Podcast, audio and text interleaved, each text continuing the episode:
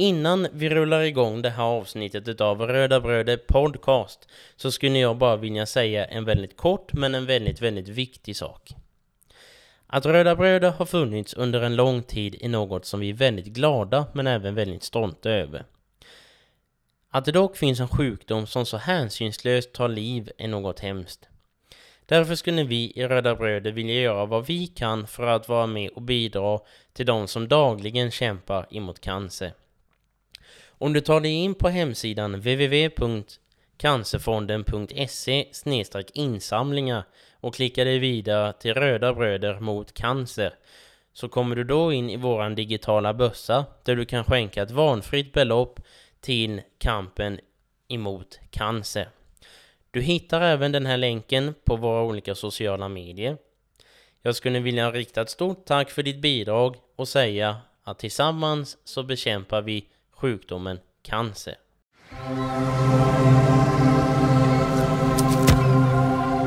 Vi säger väl som vi brukar då att vi hälsar dig som lyssnar välkomna till Röda Bröder Podcast.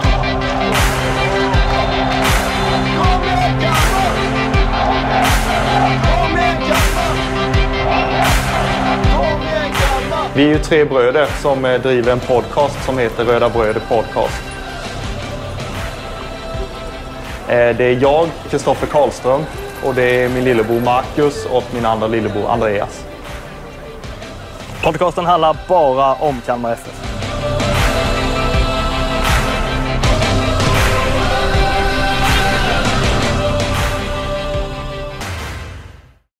Vi säger välkomna till Röda Bröder Podcast avsnitt 105. Vi utlovade ju en, en segerpodd efter matchen mot Elfsborg och Elfsborg gjorde ju ja, processen kort med sig själva höll jag på att säga och gjorde ju så att Kalmar FF kunde gå segrande ur den matchen på Borås Arena.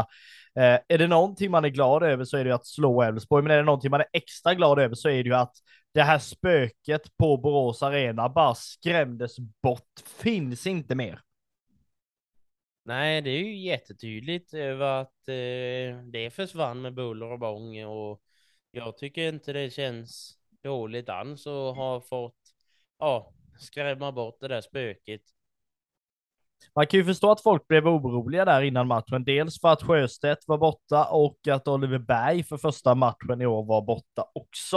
Eh, men det behövde ju inte vara så mycket negativt i det egentligen med tanke på att de andra spelarna som eh, fick chansen tog ju verkligen den typ Filip Sakpekidis. Och din favorit Ricardo fick ju agera kapten under denna matchen.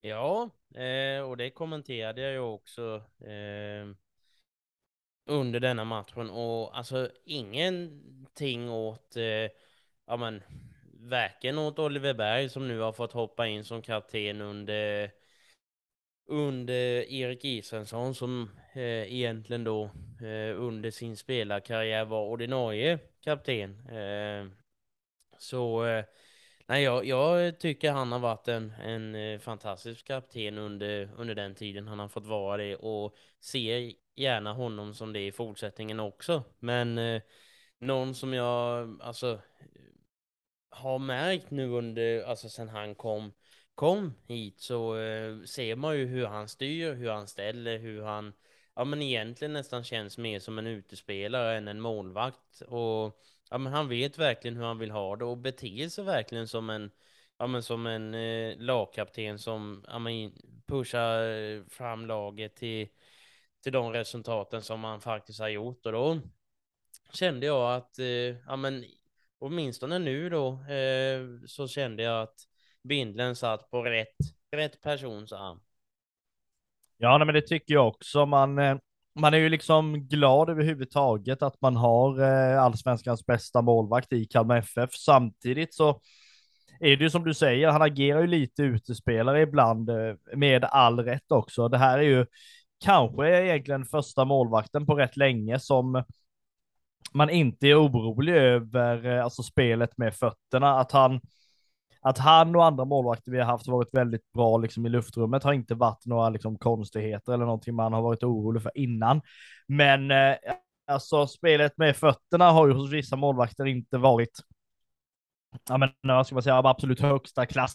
Eh, så därför att man då har ändå en målvakt som ja, men har precision i passningarna, det är också väldigt viktigt och det är någonting som ja, men sätter medspelarna i bra lägen eh, naturligtvis.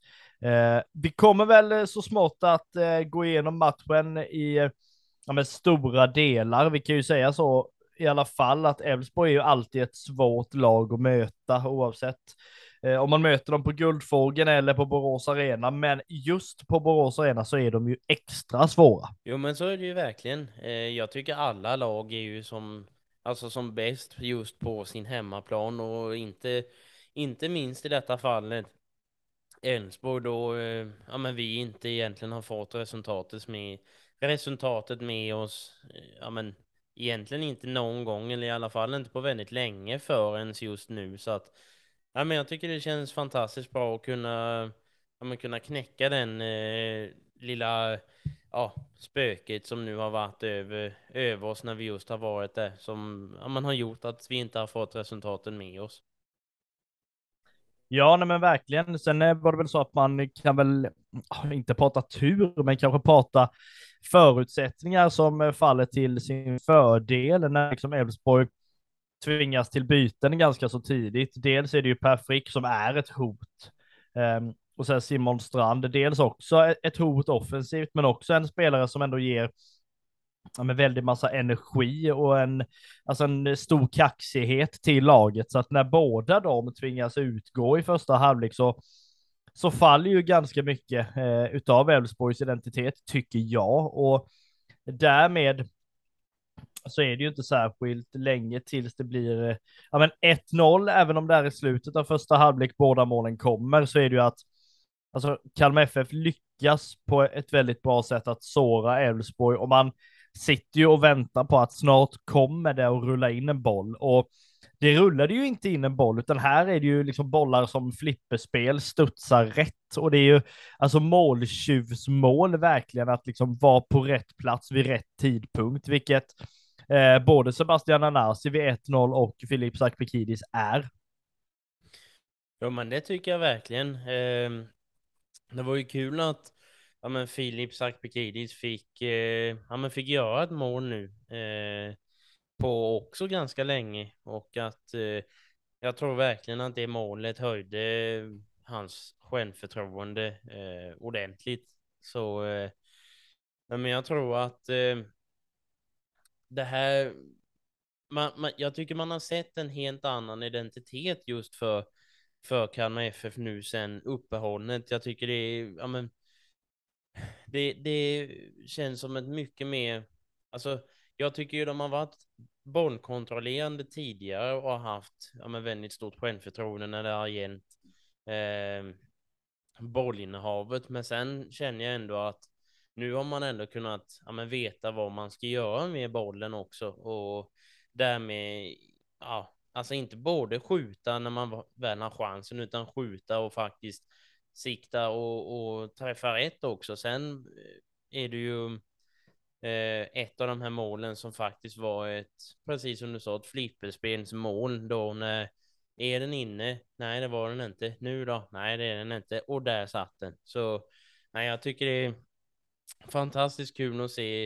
Eh, ja, få se både Filip Sarkbekidi som eh, fick göra sitt, sitt första mål nu på väldigt länge och eh, Sebastian Anasi som verkligen inte slutar förvåna.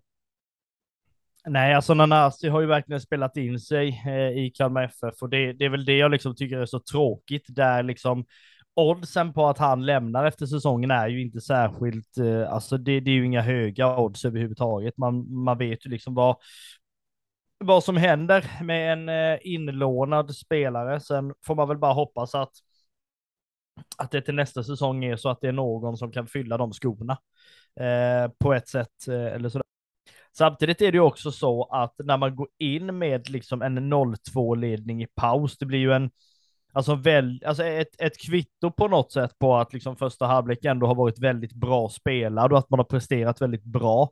Eh, sen är det väl också så här när man väl kommer ut i andra halvlek att det var ju inte särskilt förvånande att ja, men att eh, Ricardo till slut skulle få bytas ut. Alltså han har ju ja, förstå mig rätt, men suttit eh, en, två gånger per match sen, ja men fan vet jag, omgång fem, så att han, att han till slut skulle få gå ut liksom och bytas ut med någon form av skada, det är ingenting som förvånar och det är ju jättetråkigt för man förlorar allsvenskans bästa målvakt, men samtidigt är det ju ett ypperligt tillfälle för Jakob Kindberg att dels gå in och göra debut och sen också visa framfötterna ganska så rejält.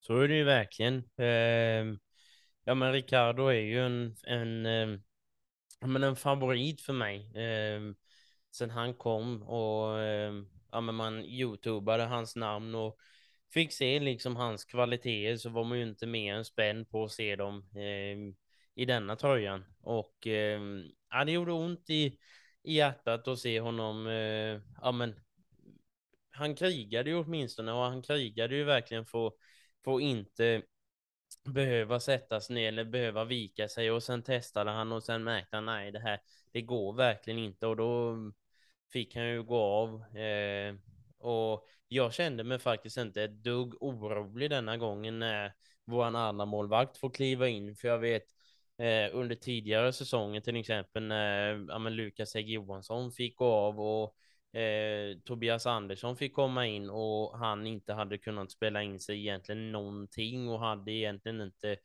ja, men någon jättebra form sen U21 heller, vilket gjorde då att man till slut fick i panik plocka in eh, ja, men hemvändaren Olle Söderberg som fick ja, men, göra allt han, han kunde egentligen och absolut ingen skugga över eh, Tobias Andersson som faktiskt också då var en, eh, ja, men en, en stor favorit hos mig och en, eh, ja, men en person som jag var väldigt, eh, ja, man var intresserad av att se honom eh, spela och de liksom, ja, de kvaliteterna han hade. Eh, så, men denna det är, alltså ibland får man ju inte att stämma och det fick ju inte han egentligen när han fick hoppa in där. Eh, men eh, denna gången kände jag ett, eh, ja, men ett otroligt lugn när jag fick, eh, ja, när Jakob Kindberg klev in. Jag var inte ett, ett dugg orolig alls. Nej, jag håller väl med och sen kan man ju komma in vid eh, mindre tacksamma tillställningar, liksom att leda med med 0-2 där liksom spelet ser väldigt bra ut och, och där liksom segern inte är hotad på något sätt, att då gå in och egentligen bara ja, men städa upp där de sista 20 minuterna. Det är ju, det är ju liksom väldigt tacksam situation. Det hade ju varit annorlunda att komma in med med 0-0 borta mot AIK eller Malmö eller någonting kan jag tänka mig. Eh, sen ska inte jag säga så mycket överhuvudtaget, för jag hade nog inte tagit den bollen då, oavsett vem som hade stått på andra sidan. Eh, men vi gör väl som så här egentligen att vi eh, knyter väl ihop säcken mot Elfsborg genom att eh, gå igenom matchens tre stjärnor.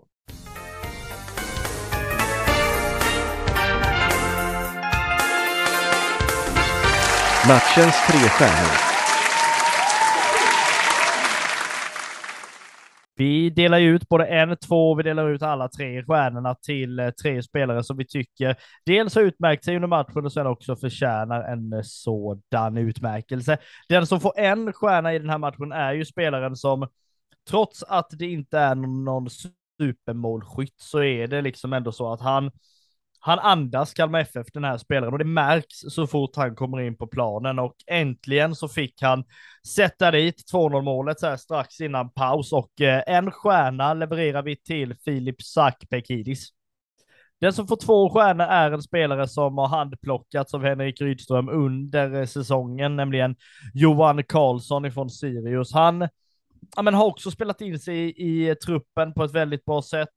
Eh, jobbar ibland i det tysta, men levererar ändå väldigt bra spel och just i den här matchen så tycker jag att han absolut förtjänar att vara med på listan, då främst med två stjärnor. Den som får tre stjärnor på den här listan och eh, ja, men presterar i princip bäst, tycker vi som driver den här podden. Det är eh, Kalle Gustavsson. Det är en spelare som ibland jobbar i det tysta, men ibland gör han inte det, utan lägger väldigt bra liksom, spel på sina medspelare och sätter dem i ja, men ofantligt bra lägen. Vi har ju sagt innan att Romario snart kommer ha sina dagar räknade på mittfältet, men eh, återväxten är ju väldigt bra med tanke på att Carl Gustafsson ja, men, har tagit över stafettpinnen på mittfältet. Eh, därför tre stjärnor till eh, Kalle Gustafsson. Eh, nästa segment som vi har i den här podden är ju matchens frågetecken och eh, den här är ju faktiskt Andreas nu som har kommit fram till eh, vad det är vi skulle ha som matchens frågetecken. Du hade en liten fundering. Eh, jo, men jag hade ju ett eh, litet frågetecken som faktiskt är ett egentligen ganska litet frågetecken som, eh, som jag har eftersom att jag har inte supermycket alltså på fötterna kring just det här, eh, utan det var bara en, en spontan tanke som jag kom på eh, nu innan inspelningen just om, eh, om detta. Och det är så då att eh, en eh, fotbollsförening utav den här storleken eh, har ju en, eh, en spelarbuss oftast som det står eh, ja, föreningens namn på, i detta fall Kalmar FF då som står stort och prydligt över hela bussen och liksom det är, ja, här kommer Kalmar FF. Det är likadant för, ja, alla andra allsvenska klubbar med beroende lite på storlek på klubb och sen vissa har dubbeldäckare och vissa har bara något litet, litet märke. Men eh, själva frågetecknet i allt det här är ju att eh, jag förstår ju att den här bussen kanske inte riktigt kan användas om, ja, på den tiden då Östersund spelade i allsvenskan om man liksom skulle ta sig upp dit och spela bortamatch. Så förstår jag att man kanske väljer liksom flyget i det fallet eller liksom ett smidigare transportmedel eh, just för spelartruppen. Men det som jag har funderat på är ju varför används den till andra saker än just eh, ja, spelartruppen och ibland att de, för jag vet i, under pandemin så åkte de ju i, i en dubbeldäckare, en vanlig, alltså ostripad vit Eh, och det förstår man ju ändå, men sen ser man att ja, men det, den liksom rullar med andra människor liksom i, i stan och liksom det, det ser ut att vara någon pensionärsförening ibland och det kan vara liksom vad som helst den används till. Jag sa det precis innan inspelningen också att jag tror inte riktigt att alla allsvenska klubbar liksom låter den just, alltså spelarbussen, användas till sådana saker som ja men till exempel AIKs stora maffia liksom spelar buss dubbeldäckare och det. Jag tror inte liksom att vem som helst kan hyra den. Varför är det, är det så att Kalmar FFs spelarbuss liksom kan användas till vad som helst och varför använder inte spelartruppen den liksom på heltid? Ja, nej, men eh, det kan man ju ändå fråga sig. Ja, jag har liksom inget, inget svar, det ska jag väl inte ha heller. Men jag tänker det, det brukar vi inte ha på det mesta. Ja, men har vi, har vi svar brukar vi ofta ha fel svar. Så det, det är ju liksom, det kan ju vara så. Men jag menar att Alltså jag har väl också sett någon gång när man vet att laget är borta och spelar och sen ser man på tv, om man nu tittar på tv, att Ja men de kommer ju för fan ut från en annan buss och då blir man ju lite så här, men varför har vi den då? Eh, det är väl en vettig fråga, det, det tycker jag. Kalmar FF ska ut på vägarna igen. Man lirar ju två bortamatcher i rad här nu och då ska man ju faktiskt till, eh, till Värnamo och spela. Eh, och här har man ju inte spelat allsvensk fotboll ja, någon gång tror jag, eller så. Men det ska ju ändå åkas dit då ju och så vidare. Och vi har i alla fall snart är det ju två bussar som är fulla inför ja, inför den matchen med avresa 11.30. Sen är det ju en buss som går direkt eh, till arenan om man inte vill vill eh, parta innan då. Eh, och den är ju också halvfull. Så det här, det väntas ju en hel del folk från Kalmar till Värnamo, med all rätt måste jag säga. Och det här är ju ett lag som är väldigt, väldigt svårtippat. Eh, det var ganska lätt att tippa dem sist eh, från början. Eh, men det kanske man inte skulle ha gjort, ni som nu gjorde det, kan jag ändå säga. Det här är ett lag som spelar på Finnvedsvallen och ni ska få veta hur liksom pass bonnigt det här är om bara en liten stund. Där man har tränarna bland annat då Kim Hellberg och då legendariska Jonas Tern eh, Eh, som inte har en lika legendarisk eh, son som spelar i IFK Göteborg. Men det här är ett lag med form, verkligen. Man har ju då spelat, eh, de tre senaste matcherna har man två vinster och en oavgjord, så man har ju verkligen form eh, på sina grejer och samtidigt eh, så är det ju så att man under förra matchen eh, eh fick 0-0 mot Malmö i Malmö och det vet ju alla hur svårt det kan vara. Framförallt. Det här är ju en spännande match, även om det kommer vara eh, frysa ihjäl match med hela svenska folket så kommer ju det här bli intressant. Så är det ju verkligen. Sen finns det ju ändå en stor charm i just frysa ihjäl fotboll när man får stå och värma sig med en korv och en kaffe i paus.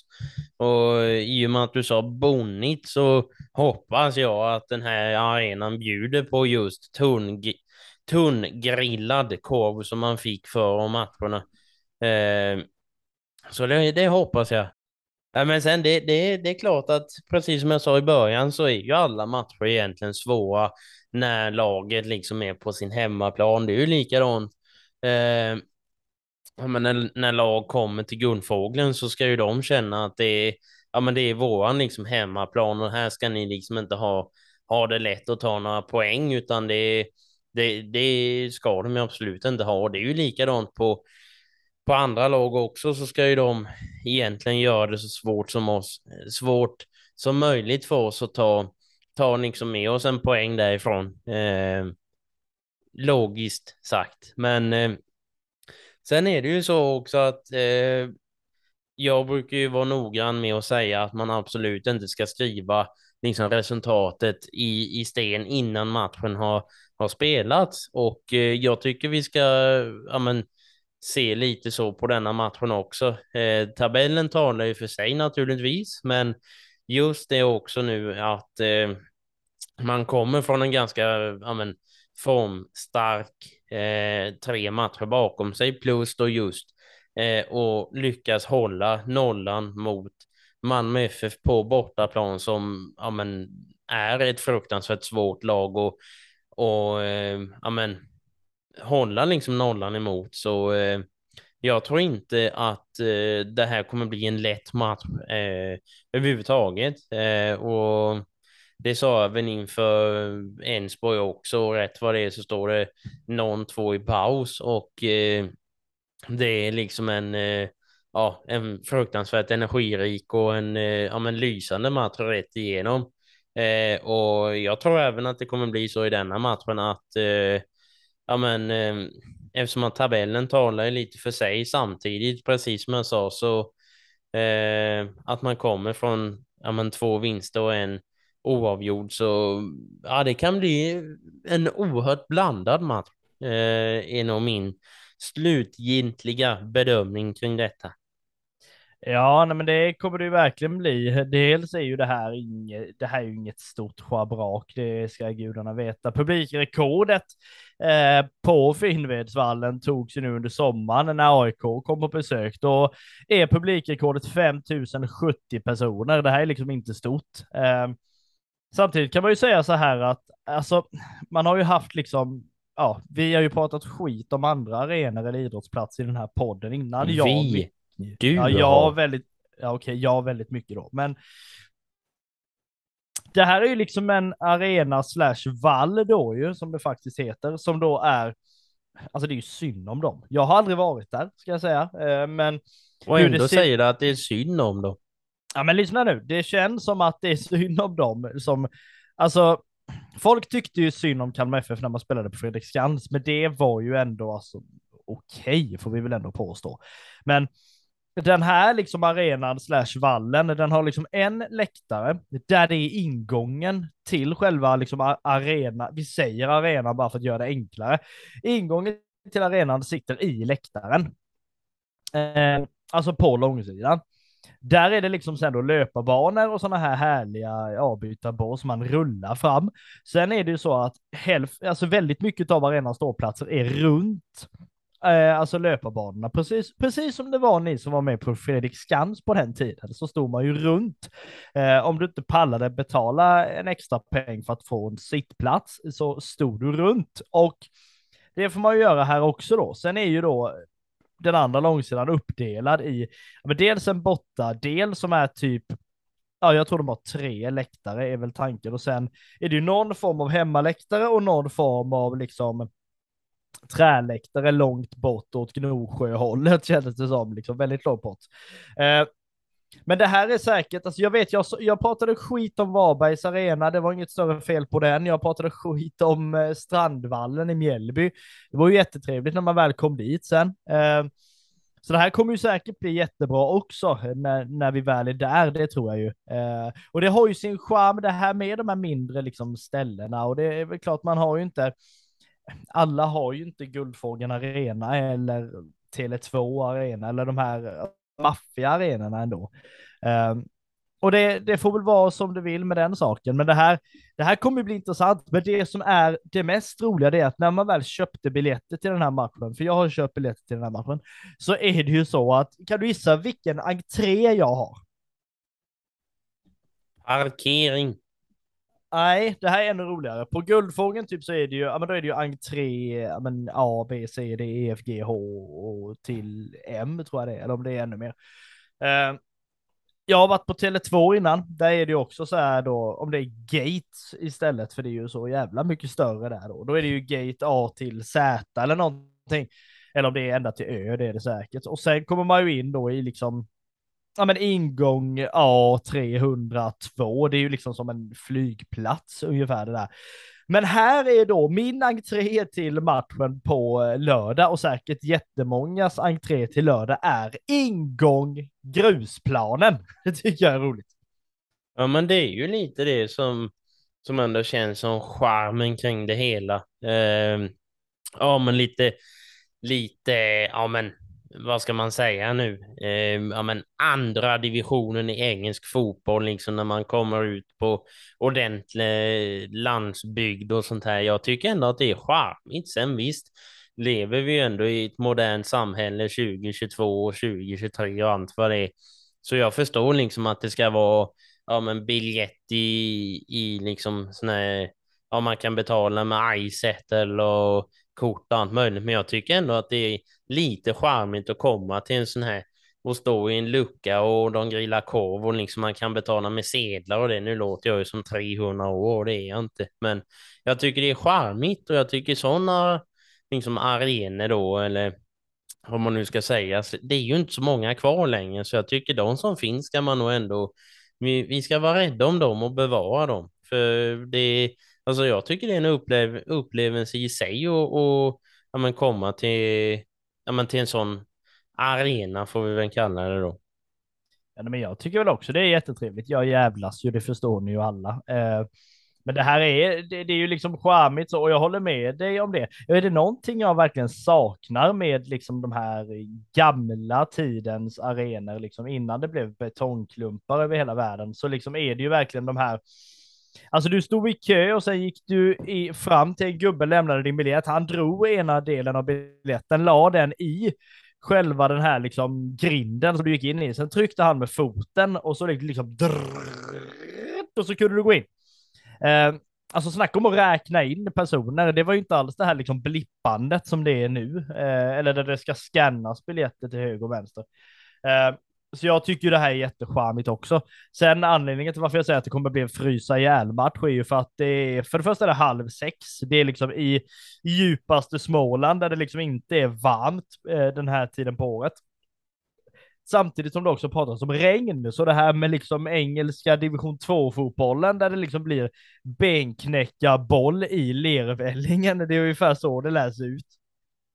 Det tror jag säkert och sen någonting som som ändå är ja, men charmens charm just nu när vi pratar om det här med sättet att gå in till exempel. Det är ju, nu tjatar jag om mina kiosker här igen, men det är ju på den tiden då var ju verkligen grillad korv just grillad korv.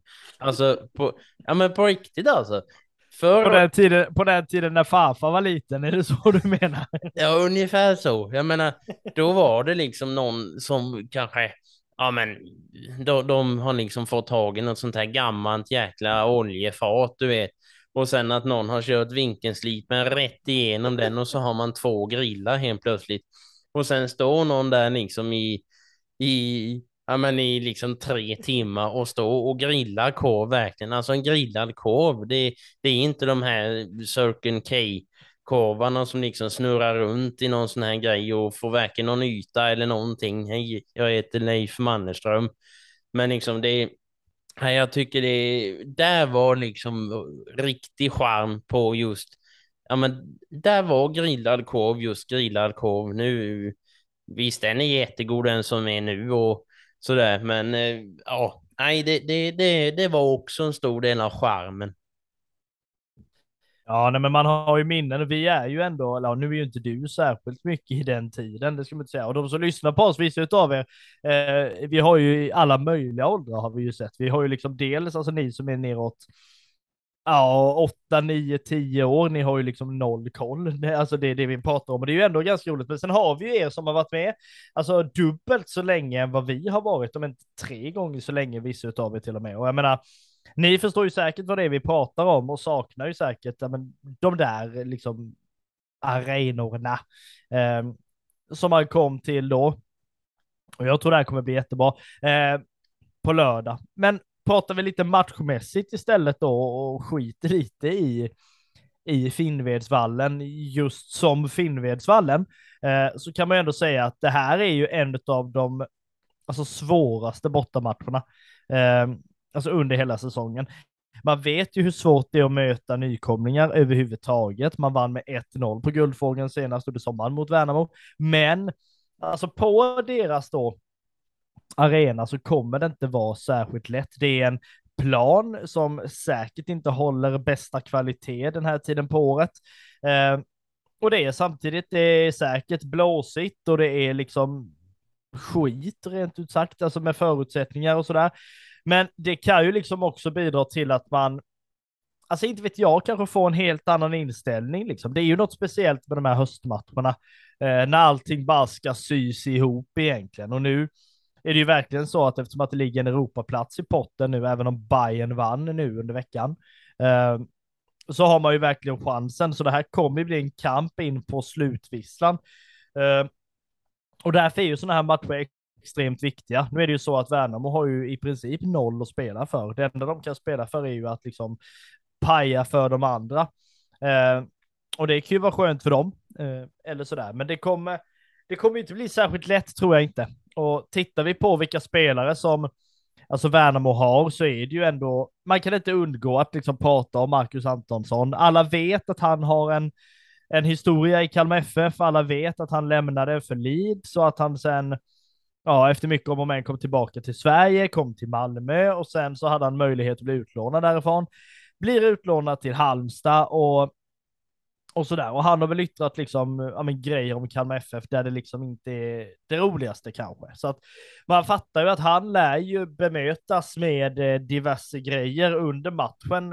Eh, alltså av de rödvita supporterna. Och det är ju bara sånt man får tugga i sig i de här situationerna.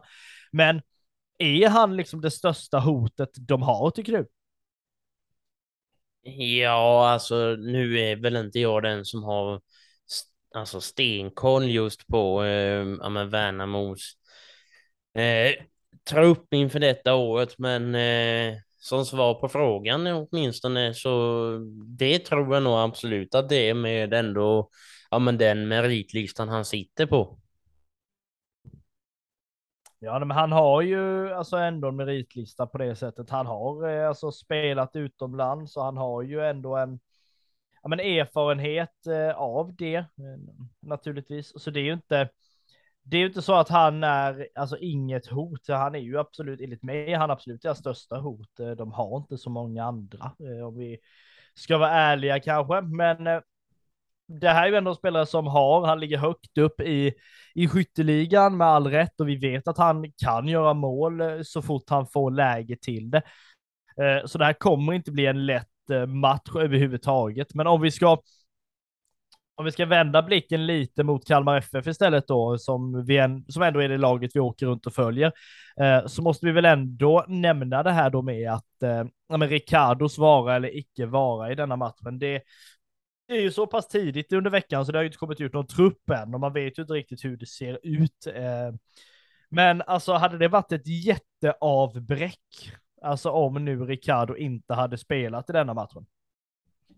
Nej, alltså både ja och nej vill jag väl säga, men eh, om liksom jag tar vid lite där jag slutade när jag pratade om Jakob Kindberg så tyckte jag ju att även att liksom förutsättningarna var ganska goda att komma in liksom som debutant och med ja, men 2-0 liksom med sig. Eh, så eh, tyckte jag ändå att alltså han, han eh, stod ju inte bara still och liksom städade av matchen utan han fick ju ändå göra eh, amen, ett par ingripande och även eh, många fina räddningar. Eh, fick han ju göra så att jag precis som jag sa, jag känner mig inte ett dugg orolig om han skulle skulle få stå eh, i denna matchen. Sen såklart vill man ju att eh, ja, men skadade spelare ska eh, ja, men, repa sig och eh, ja, men kunna vara med eh, så tidigt som möjligt efter, efter skadan och liksom friskna till så fort det bara går. Men eh,